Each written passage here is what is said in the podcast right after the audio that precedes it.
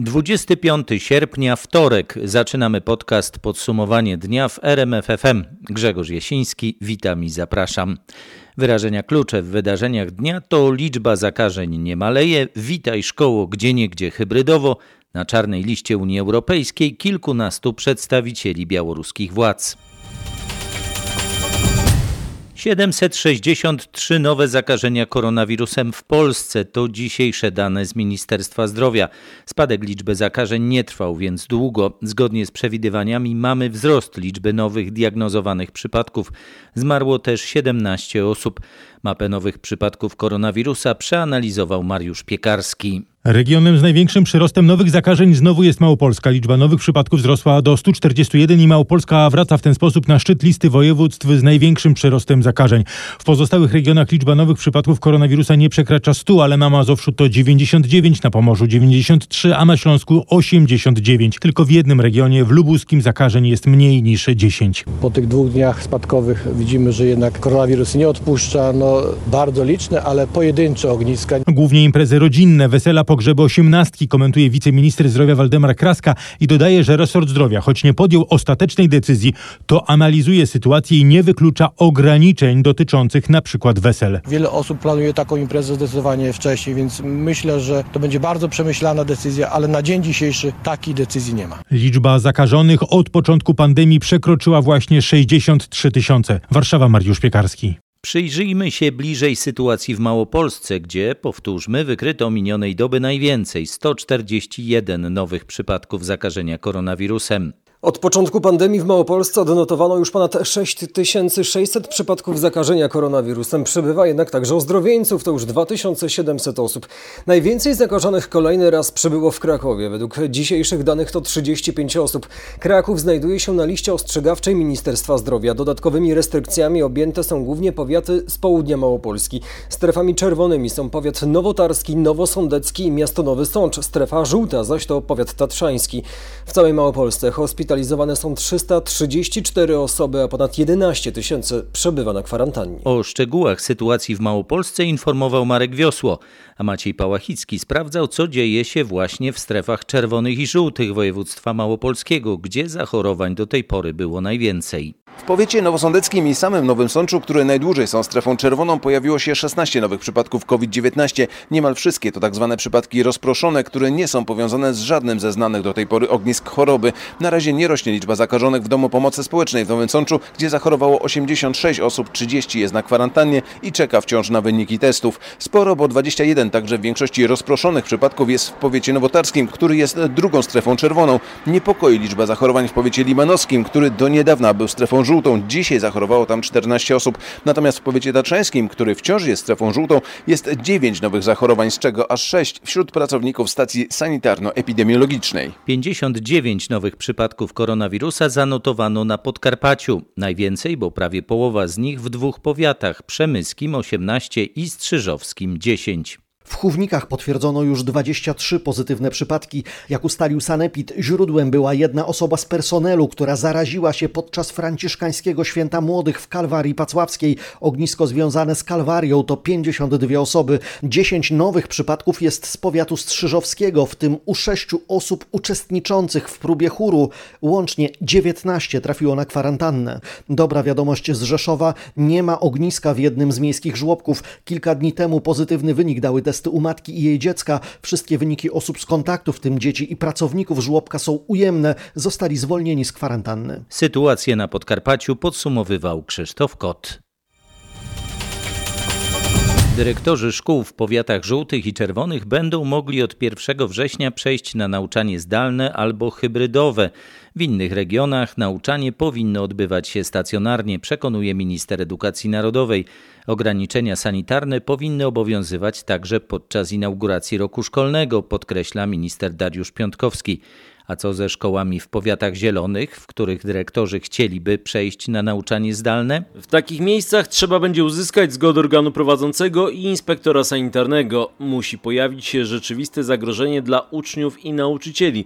Przekonuje Dariusz Piątkowski. W przypadku zagrożenia zachorowaniem bądź zachorowania na terenie placówki dyrektor szkoły powiadamia zgodnie z obowiązującym prawem Państwowego Inspektora Sanitarnego. On podejmuje działania epidemiczne i podejmuje decyzję y, na jaki chociażby tryb przejść. I podkreśla, że wszędzie zmiana modelu nauczania wymaga akceptacji powiatowego inspektora sanitarnego, który ma najlepszą wiedzę na temat sytuacji pandemicznej. Nauczanie zdalne albo mieszane powinno być przejściowe i trwać tylko kilka tygodni, przekonuje szef MEN. Stanowisko Ministerstwa Edukacji Narodowej przedstawił Grzegorz Kwolek. Ministerialne wytyczne, które dostali dyrektorzy szkół są dziurawe jak sito, twierdzi w RMFFM wiceprezydent Warszawy Renata Kaznowska. Przekonuje, że w wielu przypadkach nie da się na przykład ułożyć nowych planów lekcji tak, by w szkołach było mniej uczniów. Jeżeli ja słyszę od pana ministra, że możemy przecież rozgęścić szkoły, bo możemy zacząć zajęcia wcześniej, na przykład o 7.30 i wydłużyć proces nauki w godzinach e, e, późno popołudniowych, to ja przypomnę, w dużej mierze dzięki tak zwanej reformie oświaty pani minister Zalewskiej w szkołach średnich ponadpodstawowych mamy podwójny rocznik. Zalecamy, żeby szkoły otworzyły wszystkie wejścia. Proponujemy też, by klasy miały przerwy w różnym czasie i by młodzież na korytarzach nosiła maseczki, dodaje wiceprezydent Warszawy.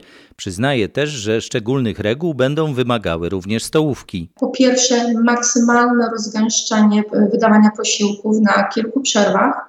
To jedna rzecz. I druga, jeżeli mamy takie możliwości organizacyjne, aby dzieci, szczególnie klas młodszych, mogły spożywać posiłki w klasach, niekoniecznie na stołówce. Ale czy Ale któryś z dyrektorów może powiedzieć, że on w swojej szkole nie uruchomi teraz stołówki, bo to jest słaby punkt, słabe ogniwo w czasie pandemii? Tak, dyrektor oczywiście może powiedzieć, że nie uruchamia. Ja nie mam takich sygnałów w Warszawie, aby któryś z dyrektorów zamierzał zrezygnować z pracy stołówki. Wiceprezydent Warszawy Renata Kaznowska w rozmowie z Marcinem Zaborskim potwierdza, że wszystkie warszawskie szkoły zaczną 1 września zajęcia stacjonarne. W Warszawie nie ma też planów mierzenia temperatury każdemu uczniowi wchodzącemu do szkoły.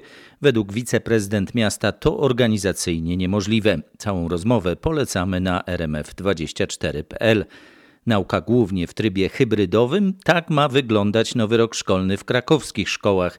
W stolicy Małopolski 1 września naukę we wszystkich jednostkach oświatowych ma rozpocząć prawie 100 tysięcy uczniów. Jak mówią krakowscy urzędnicy, będą oni zalecali, by nauka odbywała się w trybie hybrydowym. W praktyce ma to wyglądać tak, że uczniowie szkół specjalnych oraz klas od pierwszej do trzeciej szkół podstawowych mają odbywać naukę stacjonarnie, czyli w szkołach. Więcej zajęć w szkołach mają mieć też pierwsze klasy liceów oraz wszystkie te, które w danym roku mają pisać egzaminy. Uczniowie pozostałych klas część zajęć mają odbywać zdalnie. Pozwolenia na takie nauczanie niezwłocznie będziemy wydawać dyrektorom, którzy o to poproszą, mówi Ewa Caus z Wydziału Edukacji Miasta Krakowa. Te rozwiązania miałyby polegać na tym, że nie spędzamy 5 dni w tygodniu w szkole, tylko na zmianę uczniowie część czasu i część lekcji są w domu, a część w szkole. My jako organ prowadzący, jako miasto będziemy szybciutko wydawać zgody na czy to zawieszenie zajęć, czy wprowadzenie w formie nauki zdalnej. Każdorazowo decyzję o trybie nauczania w danej placówce podejmować ma dyrekcja, bo to na dyrekcji spoczywa odpowiedzialność za bezpieczeństwo uczniów. Podsumowywał Marek Wiosło. Samorząd Sosnowca rekomenduje szkołom rozpoczęcie roku szkolnego w tradycyjnej formie od połowy września. Wcześniej zajęcia mogłyby odbywać się zdalnie. Dyrektorzy szkół mają podjąć decyzję w tej sprawie do jutra. Dlaczego samorząd rekomenduje zdalne nauczanie? Samorządowy zespół z prezydentem Sosnowca na czele, który przygotował rekomendacje, powołuje się na stanowisko ekspertów, według których powrót uczniów do szkół od 1 września może spowodować gwałtowny wzrost liczby zachorowań. O formie nauczania w pierwszych dwóch tygodniach września zdecydują jednak dyrektorzy szkół. Każdy z dyrektorów najlepiej zna swoją szkołę, najlepiej zna uczniów, no i często całe rodziny i to dyrektor e, przy zasięgnięciu opinii sanepidu podejmie ostateczną decyzję. Mówi Rafał Łysy, rzecznik Sosnowieckiego Magistratu. Dyrektorzy szkół mają czas na podjęcie decyzji do jutra do południa.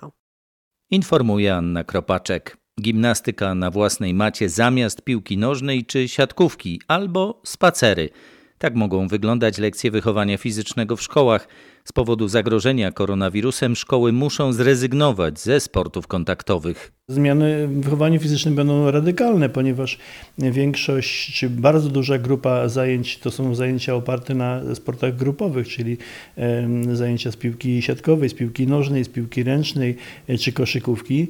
Prawdopodobnie będzie to zamienione na zajęcia stacjonarne typu ćwiczenia gimnastyczne, czyli zajęcia na macie. Chcemy też zobowiązać rodziców, ale też bardziej nauczycieli na to, żeby tę część, część zajęć była realizowana w, w formie spacerów, w formie wyjść na zewnątrz. Przewiduje dyrektor szkoły podstawowej nr 34 w Olsztynie Marek Wąsik.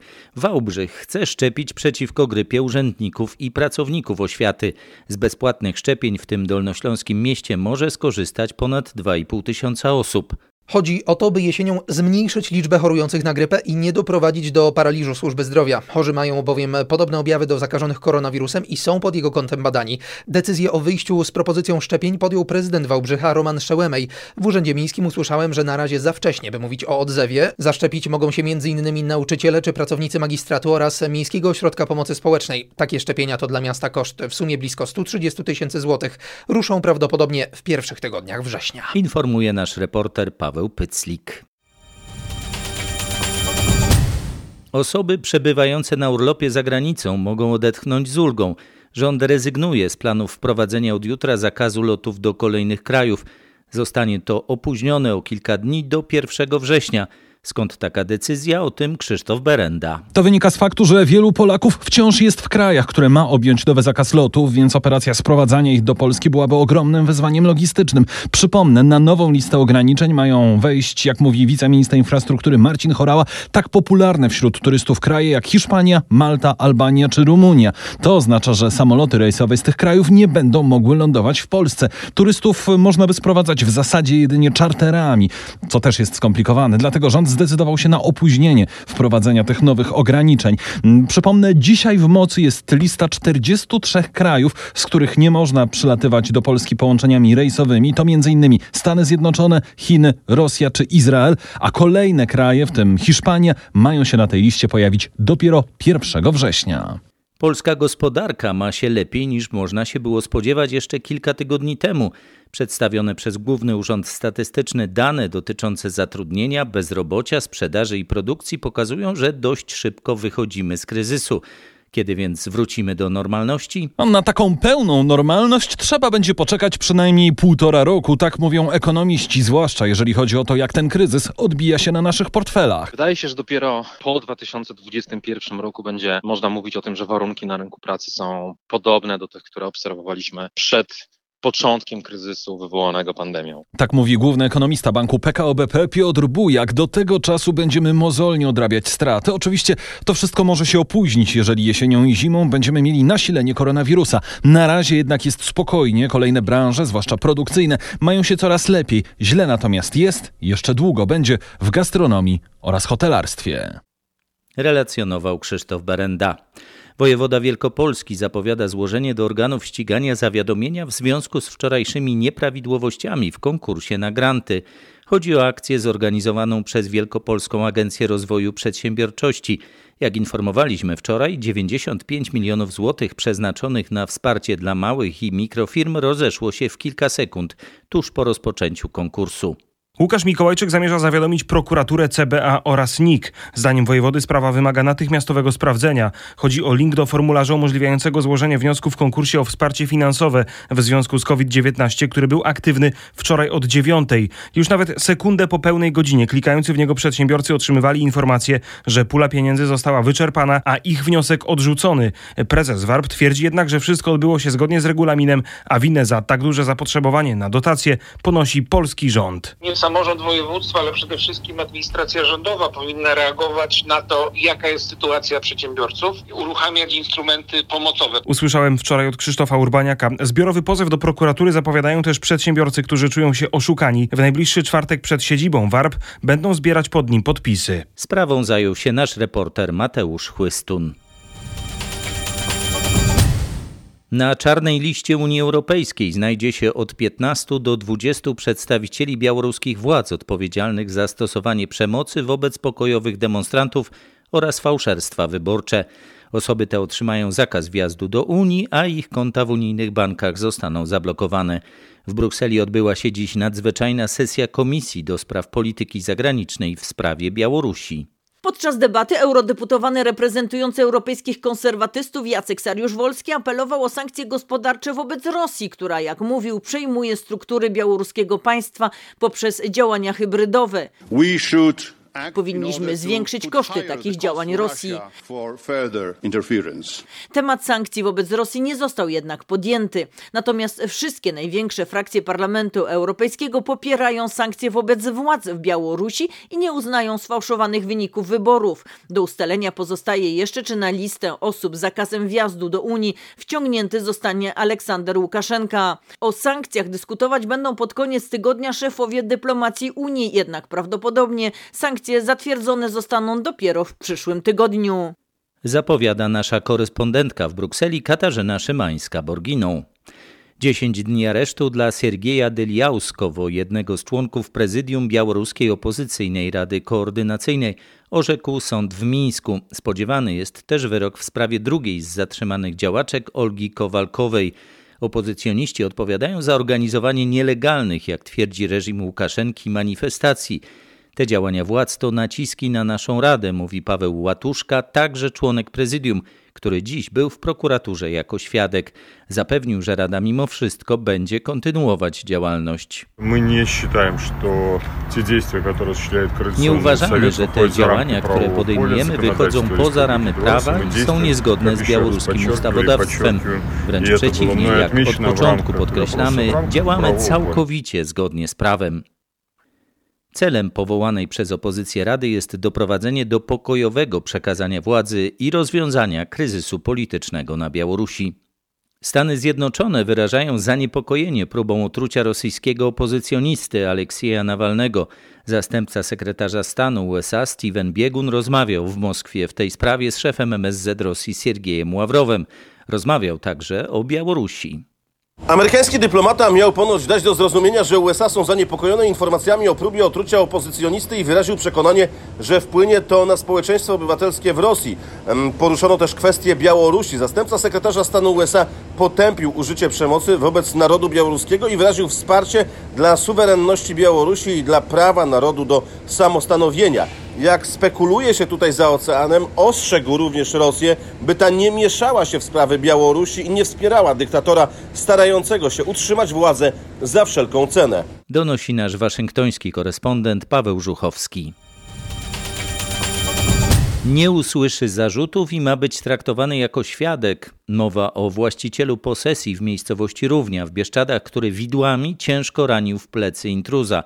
Takie polecenie, jak dowiedział się reporter RMFFM, wydał prokuraturze prowadzącej postępowanie zastępca prokuratora generalnego. Poszkodowany mężczyzna, który wtargnął na posesję, był bardzo agresywny. Wyzywał właściciela, groził śmiercią jemu i członkom jego rodziny. Nie reagował na wezwania do odejścia i próbował atakować przebywające tam osoby. Wtedy właściciel chwycił widły i ugodził napastnika, powodując u niego ciężkie obrażenia ciała. Jak tłumaczy prokuratura generalna, to nie był pierwszy raz, gdy ten raniony mężczyzna, dobrze znany policji, groził swemu sąsiadowi, który mógł się czuć zagrożony. Według prokuratury w tym przypadku zachodzą warunki obrony koniecznej, dlatego sprawca nie powinien usłyszeć zarzutów. Tłumaczył Krzysztof Zasada. Około 200 kg martwych ryb wyłowili w ostatnim czasie z zalewu Rożków koło Jarocina w Wielkopolsce przedstawiciele Społecznej Straży Rybackiej. Służby wyjaśniają, jakie substancje mogły doprowadzić do ich śmierci. Kontrole na miejscu przeprowadzili inspektorzy wioś, którzy pobrali próbki wody. Wczoraj wstępnie je przebadali i przekazali do szczegółowej analizy. Jak usłyszałem w kaliskiej delegaturze inspekcji, wyniki mają być znane w piątek. Wstępne ustalenia mówią jednak o prawidłowym natlenieniu wody. Na zdjęciach wykonanych przez strażników rybackich, którzy odławiali śnięte ryby, widać jednak, że do sztucznego zbiornika dostały się nieczystości. Inspektorzy po sugestiach ze straży sprawdzili też dwa pobliskie zakłady mięsne znajdujące się w bliskim sąsiedztwie e, dopływu do zalewu, ale jak usłyszałem, wizyty w nich nie wykazały żadnych nieprawidłowości. Tajemniczą sprawą zajmował się nasz reporter Mateusz Chłystun. Liczba dawców porównywalna do zeszłego roku, ale zapotrzebowanie na krew większe, dlatego jej brakuje. Lubelskie Regionalne Centrum Krwiodawstwa znów apeluje o ofiarność i zgłaszanie się wszystkich dawców z wszystkimi grupami krwi. Ciężko jest nadążyć za potrzebami szpitali, które próbują rozładować kolejki z planowymi zabiegami, które nie odbywały się z powodu koronawirusa. Pamiętajmy o tym, że na szczęście dzieje się tak, że szpitale mają dziś możliwość, żeby tą y, kolejkę troszeczkę jak gdyby rozładowywać, żeby ona się pomniejszała. E, Natomiast to zapotrzebowanie krwi jest wyjątkowo duże. Gdyby udawało nam się pobierać od honorowych dawców 10 czy 15% więcej krwi, to spokojnie szpitale na terenie województwa, mamy ich 41, spokojnie by tą krew od nas wzięły do normalnej pracy. Tłumaczy Grzegorz Fiedorowicz, wicedyrektor Lubelskiego Centrum Krwiodawstwa. Nie spodziewam się bardzo ofensywnej gry ze strony Omonii Nikozja, mówi trener Legii Warszawa Aleksander Wukowicz przed meczem drugiej rundy eliminacji Ligi Mistrzów. Ten pojedynek jutro w Warszawie. Patryk Serwański przysłuchiwał się słowom szkoleniowca Legii. Na co jeszcze zwraca uwagę Wukowicz? Trener Legii dziś obchodzi 41 urodziny, no i przyznał, że świetnym prezentem byłoby przejście Omoni Nikozji awans do kolejnej rundy eliminacji Ligi Mistrzów. Wukowicz doskonale zna warsztat trenera Omoni Henninga Berga. Norweg kilka lat temu prowadził Legię. Omonia to zespół bardzo dobrze poukładany, bardzo dobrze bronią. Nic nie dzieje się u nich przez przypadek, ocenia Wukowicz, ale jak mówi, kluczowa będzie jutro dyspozycja piłkarzy obu drużyn, a nie tylko taktyczne podejście do meczu. Obie drużyny dopiero wchodzą w sezon, no i w poprzednich spotkaniach było widać, że ta forma nie jest jeszcze najwyższa. Mecz Legii z Omonią Nikozja jutro o 20. Jakub Błaszczykowski najprawdopodobniej w piątek przejdzie test na obecność koronawirusa. Pomocnik Wisły Kraków miał po wczorajszym meczu w Białymstoku z Jagiellonią kontakt z kibicem, który wtargnął na murawę. W czwartek, w czasie najbliższego posiedzenia, Komisja Ligi ma zająć się sprawą złamania przepisów dotyczących imprez masowych. Jagiellonia, jako organizator meczu, zostanie pewnie ukarana. Policja zbiera teraz materiał dowodowy w postaci m.in. nagrań z kamer monitoringu, świadczących o tym, że kibic, który wtargnął na murawę, mógł popełnić przestępstwo. Grozić może za to nawet do trzech lat pozbawienia wolności i zakaz stadionowy. Władze Wisły Kraków opracowują zaś teraz dokładne wytyczne dla piłkarzy, jak mają się zachować w podobnych sytuacjach i by ograniczyli kontakt tylko do najbliższych, tak by bezpiecznie można było rozgrywać spotkania ligowe. Informuje Wojciech Marczyk z redakcji sportowej RMFFM. Małżeństwo we Frankach to nowość krakowskiego teatru Komedia Online. W obsadzie m.in. Renata Pałys. Gwarantuje zabawę przy wspaniałych piosenkach w wykonaniu Julity Korzuszek i Macieja Luśni. Ja tam wcielam się w teściową, z pozoru z piekła rodem, ale jak się okazuje bardzo czułą i współczującą. Na rmf24.pl znajdziecie wszelkie szczegóły na temat internetowych premier krakowskiego teatru Komedia. 75 budek lęgowych dla jeżyków mają przekazać szczecińskim szkołom leśnicy. Pracownicy Wydziału Lasów Miejskich już rozpoczęli produkcję budek. Ze względu na biologię jeżyka najlepiej powiesić te e, skrzynki na wiosnę, tak? w okolicach maja, żeby inne gatunki nie zasiedliły ich. Także myślę, że bardzo dobry okres to jest e, początek maja do wieszania, ale rozdamy je już jesienią i postaramy się też przeprowadzić jakąś akcję edukacyjną wśród uczniów, tak? żeby uświadomić im, czym jest jeżyk, jak on bytuje, jaki jest pożyteczny dla nas, zwłaszcza mieszkańców miasta. Czym się różni jeżyk od jaskółki?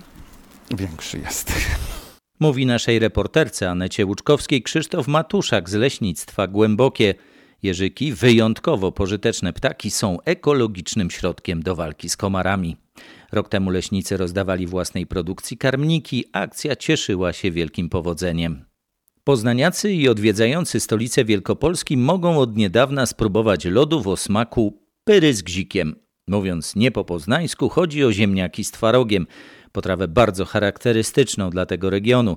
Taki smak wprowadziła niedawno jedna z tamtejszych lodziarni we współpracy z Poznańskim Muzeum Pyry. Skład lodowego przysmaku został wypracowany przez rodowitych Wielkopolan, a do jego stworzenia użyto ziemniaków wyhodowanych w podpoznańskim Kicinie. Jak zatem pyry z gzikiem na zimno sprawdzają się w upały? Jak najbardziej jestem gotów zarekomendować. Pyra z gzikiem no, dużo robi twarożek, więc ma taki posmak twarożku, delikatnie słonawy i fantastycznym dodatkiem jest szczypiorek. Smakują. Nie, no są dziwne po prostu.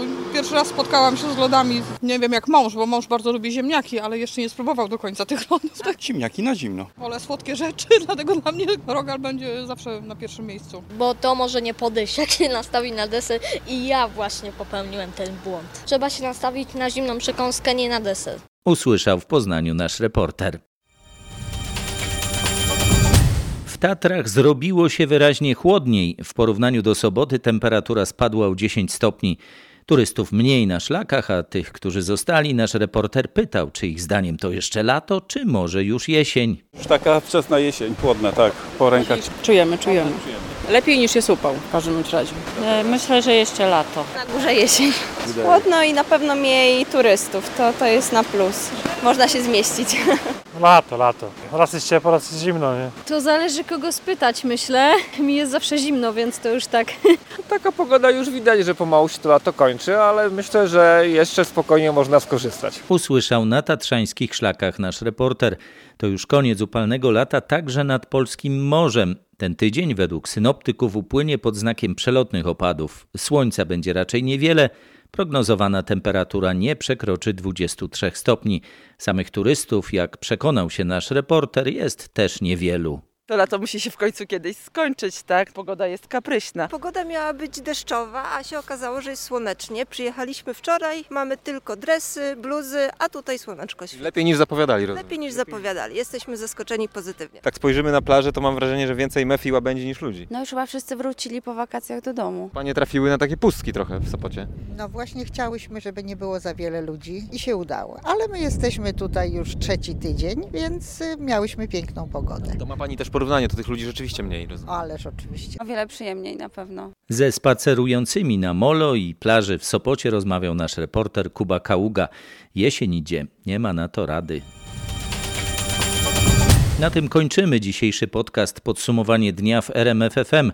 Na kolejny zapraszam jutro, w środę. Grzegorz Jasiński, dziękuję, dobranoc.